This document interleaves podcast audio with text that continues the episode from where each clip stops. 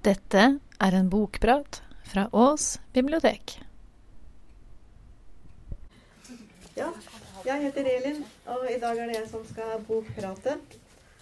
Og, er, og jeg har lest ei bok som heter 'Regn i november'. Det tenkte jeg kanskje passa bra en novemberdag som i dag. Det er heldigvis ikke regn, men det er november. Og det er eh, Det er Audur Ava Olavsdottir som har skrevet denne boka. Eh, som dere skjønner, så er dette en islandsk eh, forfatter. Hun er født i 1955. Og for et par år siden, tror jeg det var, kanskje, så snakka jeg om ei bok som het 'Stiklingen', av samme forfatter.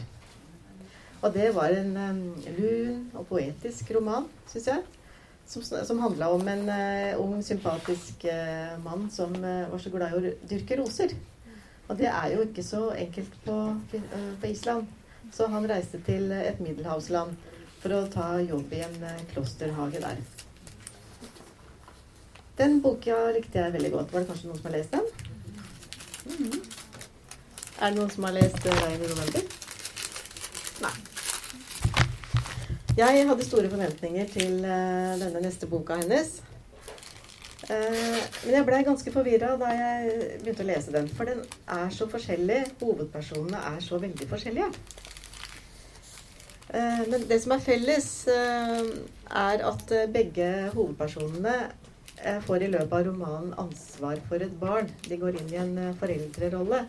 Og vi får da se hva som skjer med dem i forbindelse med det. Hovedpersonen her er ei dame i 30-åra. Dette er en jeg-roman. Altså det er hun som forteller. Så, så, vi har ikke noe navn på henne. Men hun er et språkgeni. Hun kan elleve språk. Hun jobber som korrekturleser og oversetter. Og det starter med at på en og samme dag har denne dama to nedturer. Hun har en elsker som hun egentlig ikke tar så veldig alvorlig. Men han sier at nå, nå er det slutt, nå, og jeg orker ikke dette forholdet lenger. Eh, og når hun kommer hjem, så vil jammen eh, ektemannen hennes også bryte ut av ekteskapet. Og dette er noen av argumentene hans.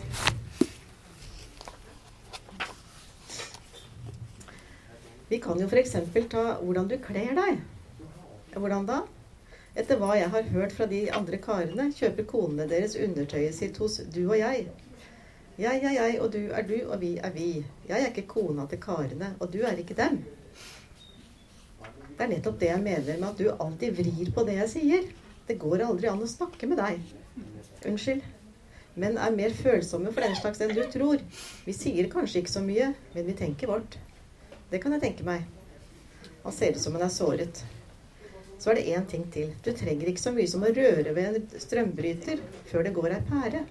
Det er da ikke normalt å ha lyspærer i handlevognen hver eneste gang jeg går i butikken. Kjøttdeig og lyspærer. Lammekjøtt og lyspærer.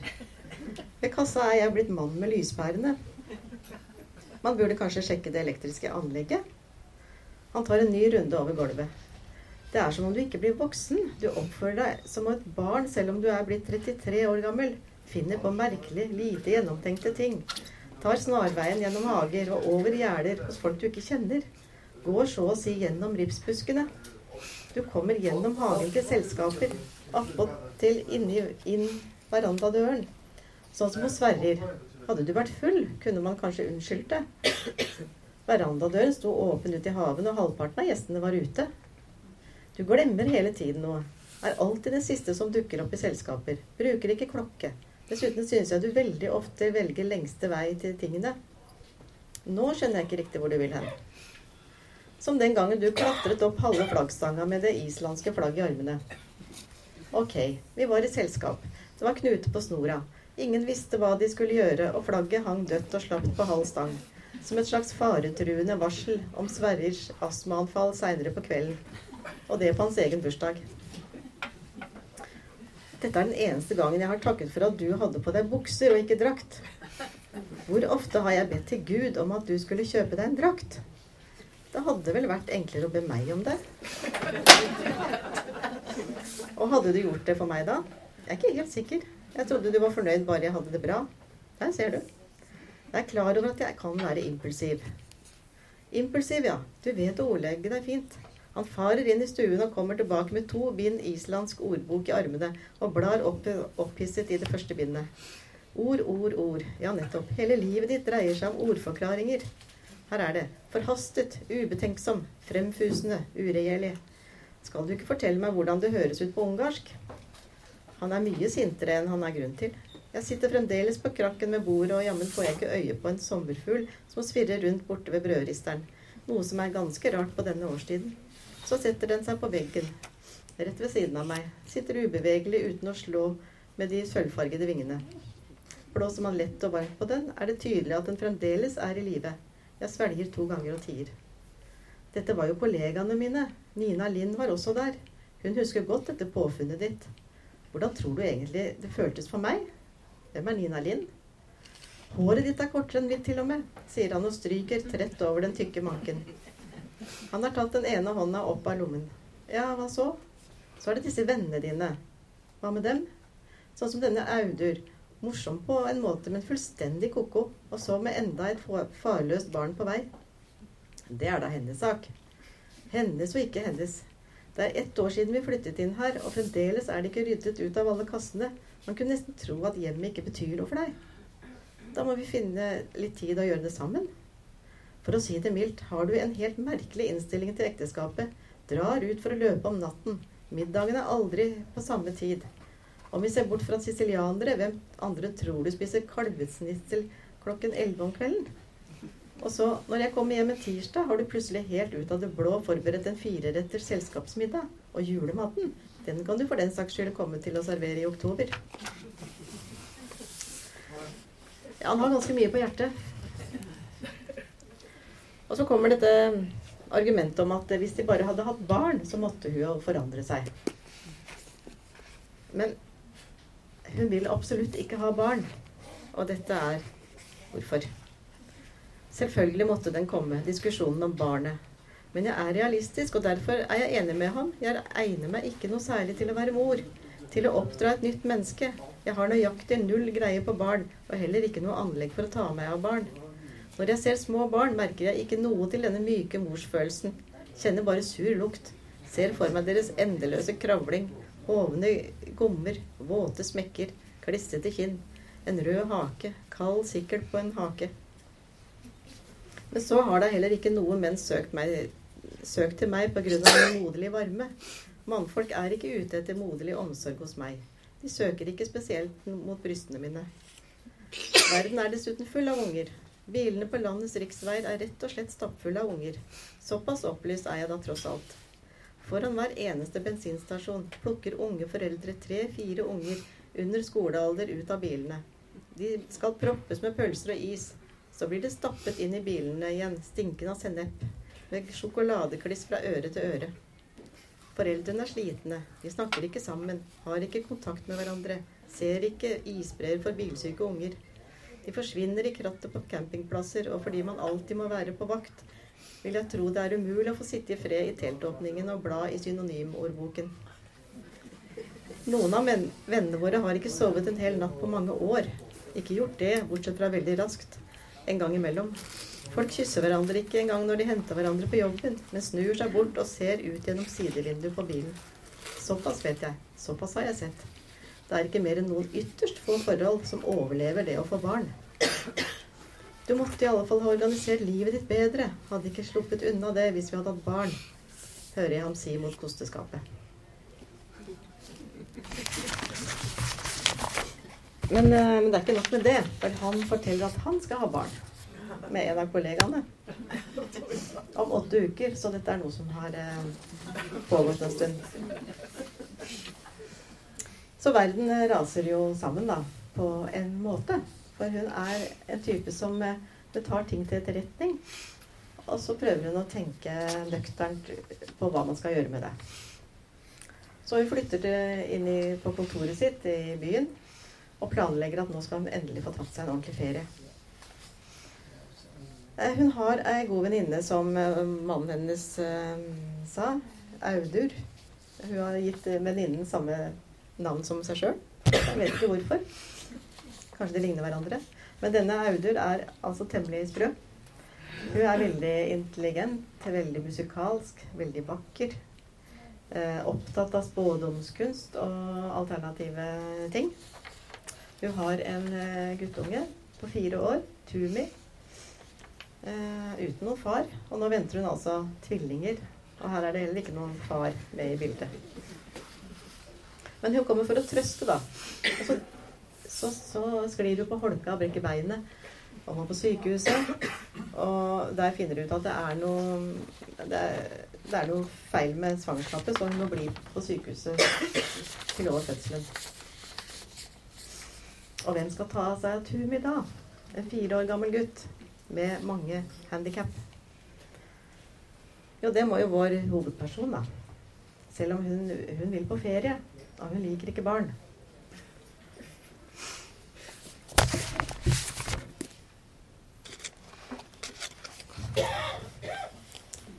Du tar ham bare med deg.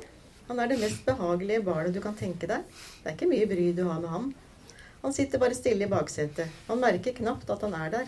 Han gnåler ikke, maser ikke, synger ikke sånn som andre barn. Man må bare gi ham litt å drikke innimellom. Rekke ham en banan etter hver 100 km og stikke sugerøret ned i sjokolademelken. Jeg kan ikke tegnspråk. Han hører litt, leser på leppene og bruker tegn ved tale med dem som ikke kan tegnspråk. Han er et språkgeni akkurat som deg. Er fire år gammel og snakker tre språk. Du lærer deg bare språket hans, og dermed får du enda et språk i samlingen din. Alvorlig talt, du ville forstått en kamel. Jeg fortell, forteller henne ikke at jeg har problemer nok med å uttrykke meg overfor enkelte hørende og pratsomme mennesker. Men kanskje blir det ikke noe verre med et lite barn som har nedsatt hørsel og er stum. Og så må hun da i eh, barnehagen da, for å hente hente Tumi. Jeg får øye på ham med en gang. Han skiller seg ut fra resten av flokken. Har spesielt stort hode i forhold til den småvokste kroppen. Skulderbladene er litt bakoverbøyde. Et gammeldags høreapparat på et så lite barn. De utstående ørene stikker ut gjennom håret. Moren hans har fortalt at han vil ha håret langt, nedenfor ørene. Han er født to og en halv måned for tidlig og er betraktelig mindre enn sine jevnaldrende. Kroppens proporsjoner er også spesielle. En gammel mann i et barns legeme. Jeg kjøper vanligvis klær til ham som er to til tre nummer under hans alder. Det er helst de franske barnestørrelsen som passer, sier Audur. I tillegg har gutten briller som er festet med en spiralbøyle bak ørene ved høreapparatet. Øynene fyller nærmest ut brilleglassene. Utseendet vekker allmenn oppmerksomhet, ofte også medfølelse. Særlig hos eldre kvinner, har Audur fortalt meg. De stikker iblant til ham opalpastiller fra kåpelommen. Han kjenner meg igjen straks og er tydelig fornøyd med å se meg, klemmer meg rundt livet et kort øyeblikk og ser konsentrert opp på meg mens han uttrykker seg, venter tålmodig på forståelse og anerkjennelse. Jeg kan ikke tegnspråk, derfor prøver han å snakke tydelig. Overdriver alle leppebevegelsene når han lager en lyd som han selv ikke kan høre bortsett fra så vidt. Gjør seg flid med hvert ord. Likevel har ordene en hul klang, og jeg har vanskelig for å forstå ham. Jeg setter meg på huk. Da kan vi i alle fall se hverandre i øynene mens han uttrykker seg. Ja, og hun har eh, mye å lære. Bare det å handle inn med et barn i kosten.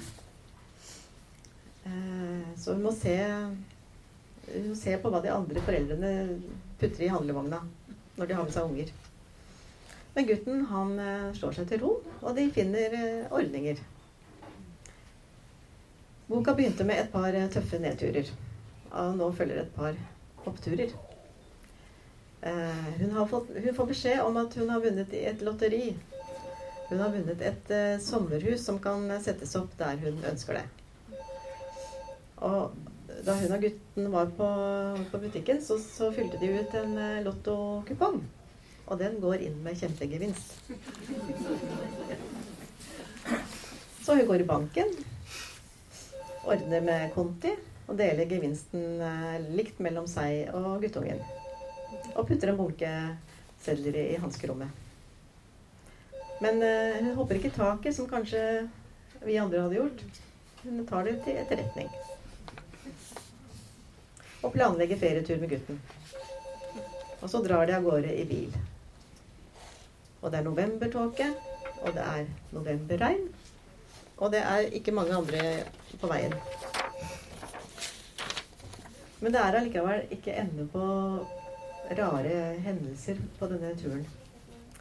Hun får plunder med bilen, og ut av tåka dukker det opp et lystig og hjelpsomt eh, jaktlag. Og så kjører de på en sau, og det er jo fort gjort i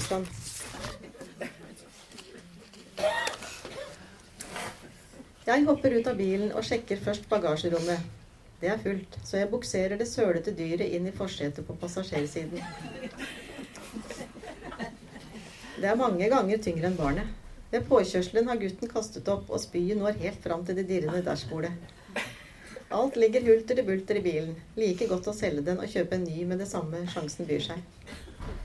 Den er svart med hvitt rundt øynene, har særegne horn, er nærmest en enhjørning, siden det ene hornet er så lite at det knapt er mer enn en knott. Storfamilien breker jamrende og sprer seg så ut i novemberregnet. Det surkler i det blodige dyret og, for, og i forsetet, og det er ikke snakk om annet enn at jeg må kjøre, det, kjøre det hjem til nærmeste gård. Jeg legger en ny CD i spilleren. O mio babino caro, en arie av Puccini. Det er begynt å skumre igjen. Jeg åpner to porter og kjører i retning av en husklynge under fjellet. Fingrene er sølete og våte. Det har sluttet å regne da vi stiger ut på tunet. Jeg legger merke til at de har fått opp julelysslyngen på møna av sauefjøset. Husets hund hopper med en gang opp på meg, men ingen svarer når jeg banker på. Det er blått TV-lys i stuen i det eneetasjes huset, så jeg banker på vinduet. Ekteparet sitter inntil armlenet i hver sin ende av sofaen og ser på en østerriksk politihund som brisker seg i en TV-serie. To utenlandske geologer står på tunet et stykke unna og holder øye med det som skjer. Mannen kommer til slutt og åpner. Han smiler bredt med rødt tannkjøtt og virker temmelig fornøyd i regnet. Dette er ikke hans øremerke, men derimot broren, brorens som holder til på gården ved siden av, og han får ta seg av sauene sine sjøl. Broren min og jeg har ikke snakket sammen på syv år. Krangel om landemerker. De har akkurat sendt oss et trusselbrev pga. grøftene. Nå mener de plutselig at de er vadefuglenes beskyttere. Naboskap dreper, sier han, og stirrer ut på dreneringen. Ja, og Dette syns jeg viser noe av stemningen i boka. Eh, det er mange underlige mennesker her som er på samme tid både innelukkede og åpenhjertige. Og de, de, de, kommer jo til mange rare plasser. Da. Et sted på en gård de må overnatte, så er det et estisk mannskor som er på turné, og som også bor der. Og disse reiser rundt, og vi, de treffes stadig på, på turen. På en annen eh, gård eh, som eh, de er innom, så smugler Tumi med seg en kattunge. Bare kattungene skal allikevel druknes. Og jeg blir jo veldig letta, da. For at de redder denne stakkaren. Men jeg er også bekymra, for jeg tenkte hvordan i all verden skal de eh, greie å ta vare på den katten? Men det går bra, altså. Ja. Også i den forrige boka, 'Stiklingen', så blir, blir, det tatt vare på en katt, så jeg liker i grunnen forfatteren. Et sted møter de en dyrlege som er, eh, som er ute på tur med en falk eh, i et bur, som han tar vare på og skal pleie. Og hun må, må hjelpe henne å passe på denne falken eh, en stund hvor han skal på oppdrag. Og det blir ganske dram mye dramatikk rundt det her som jeg ikke skal si noe mer om. Og en natt så må de tilbringe på et hotell. Og det er altså ingen, rar, ingen ende på rare ting som kan skje på et hotell i ødemarka på Island. Hele ferden mot uh, målet er, uh, er, som et slags eventyr, syns jeg. Folk eh, dukker opp og forsvinner like plutselig. Og enkelte mennesker og hendelser er helt uh, surrealistiske. Og det understrekes uh, av um, naturen, den ville naturen, og av det dårlige været og, og alle flommene som herjer på, på, denne tida på Island. At det er en underlig stemning, men det er veldig underholdende og fullt av humor. Målet deres er dette stedet hvor sommerhuset da blir satt opp. Og det er et sted som hun har vært eh, mye i barndommen, for bestemoren hennes bodde der. Og av og til så får, gjennom boka så får vi noe tilbakeblikk eh, til eh, barndommen. Eller noen sånne glimt. Og vi får noen hint om at barndommen kanskje ikke var så grei. Uten at vi helt skjønner hva det var. Men på dette lille stedet så får hun og, gutten et slags fotfeste. Uh, og selv om eksmannen uh, Torstein kommer uh, og ber om godt vær, han angrer visst litt nå, så blir han blankt avvist. Det vakre i boka er å se hvordan forholdet mellom henne og gutten utvikler seg. Fra å være totalt hjelpeløs så begynner hun å se hva gutten trenger. Og han kommer alltid til unnsetning når noen er litt lei mot den fordi han ser litt spesiell ut. Hun er alltid på vakt og må følge med, for han eh, har det med å stikke av. For han er, har alltid vært på jakt etter en pappa. Så hvis han får øye på en mann, så, så oppsøker han den. Tenker at dette er kanskje pappa. Så hun må følge litt med. Og vi lar han alltid få være med på avgjørelser når noen skal kjøpes inn, eller når noe skal, skal gjøres. Og hun ser hva han er god på, og hva som er styrken hans, og, og lar han få prøve å utvikle seg. Jeg skal lese litt fra en, eh, samtale hun har med moren sin på telefon. Uansett, jeg har nok å lese, og nok med å ta med av Tumi. Han holder på å lære å danse og brodere. Er det det du lærer en farløs gutt? Å danse og brodere? Jeg kan ikke huske at jeg noen gang har sett deg brodere. Verken som barn eller voksen. Det er bare enkle korsting. Jeg lar han prøve det han har lyst til. Vi kjøpte en strammei og mønster med et bilde av en hest. Han hadde lyst til å brodere en blind hest. En blind hest? Ja, vi forandrer mønsteret litt. Har øynene lukket i samme farge som manken. Det er bare fire sting vi syr annerledes, alt i alt. Jeg forteller henne ikke at han også har valgt å bytte om farger. Ha halen knallrød og heller bruke den grønne fargen som var tenkt til gresset, på fakset. Vingler mellom kroppsdelene med brodergarnet. Går fra det halvferdige hodet over til buken og tar noen sting der. Så tvers over buken for å sy noen kors på lendene, som man velger å ha solgule. Vi holder stort sett på med selskapsdans og fridans. Hm. Har du nok mat? Som andre steder på Island er det butikker her også. Vi lever i sus og dus. I den andre enden av linjen blir det stille et øyeblikk. Tumi begynner å bli urolig borti byggeklasshjørnet på postkontoret. Sammensetningsmulighetene til de tolv skitne klossene som ligger igjen, er ferdig utforsket, og planen nå er å gå på bakeriet ved siden av, der det er to runde bord og stoler, og mulig å få varme bagetter med smørost og kakao. Ja ja, kjære mamma, vi høres snart igjen. Akkurat nå vinker turen min til deg. Vi er på postkontoret. Det står en mynttelefon. Det er fremdeles stille i telefonen. Omsider tar hun ordet igjen. Jeg hørte fra Torstein i går. Han var utrolig langt nede og så dårlig ut. Han er ingen lykkelig mann. Jeg trodde du hørte fra han, ikke så han. Jo, han stikker så vidt innom. Vi var bekymret for deg. Du forsvant jo bare. Jeg har helt sluttet å tenke på Torstein. For øyeblikket tenker jeg bare på Tumi og meg selv. Han sitter fast i et eller annet der han ikke har noen ting å si. Denne kvinnen ser ut til å ha ham i sin hule hånd.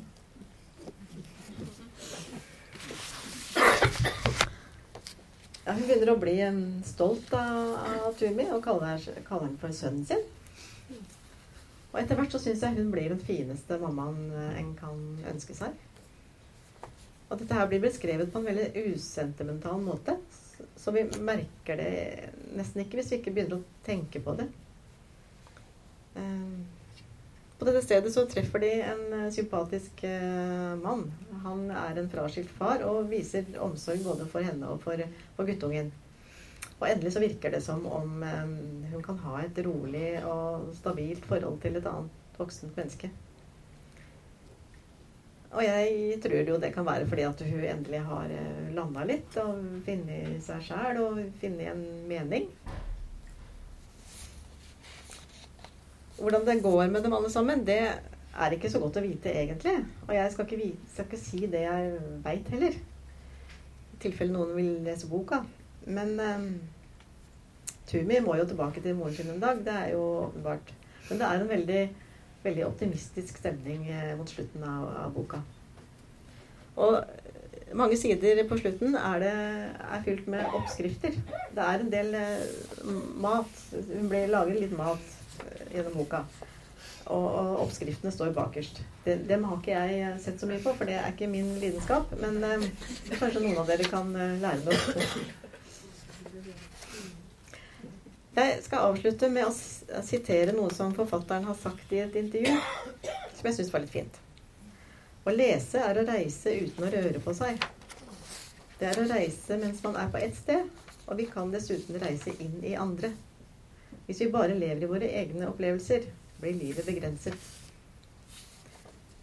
Og jeg syns at det var både utfordrende og veldig morsomt å reise i denne romanen. Ja.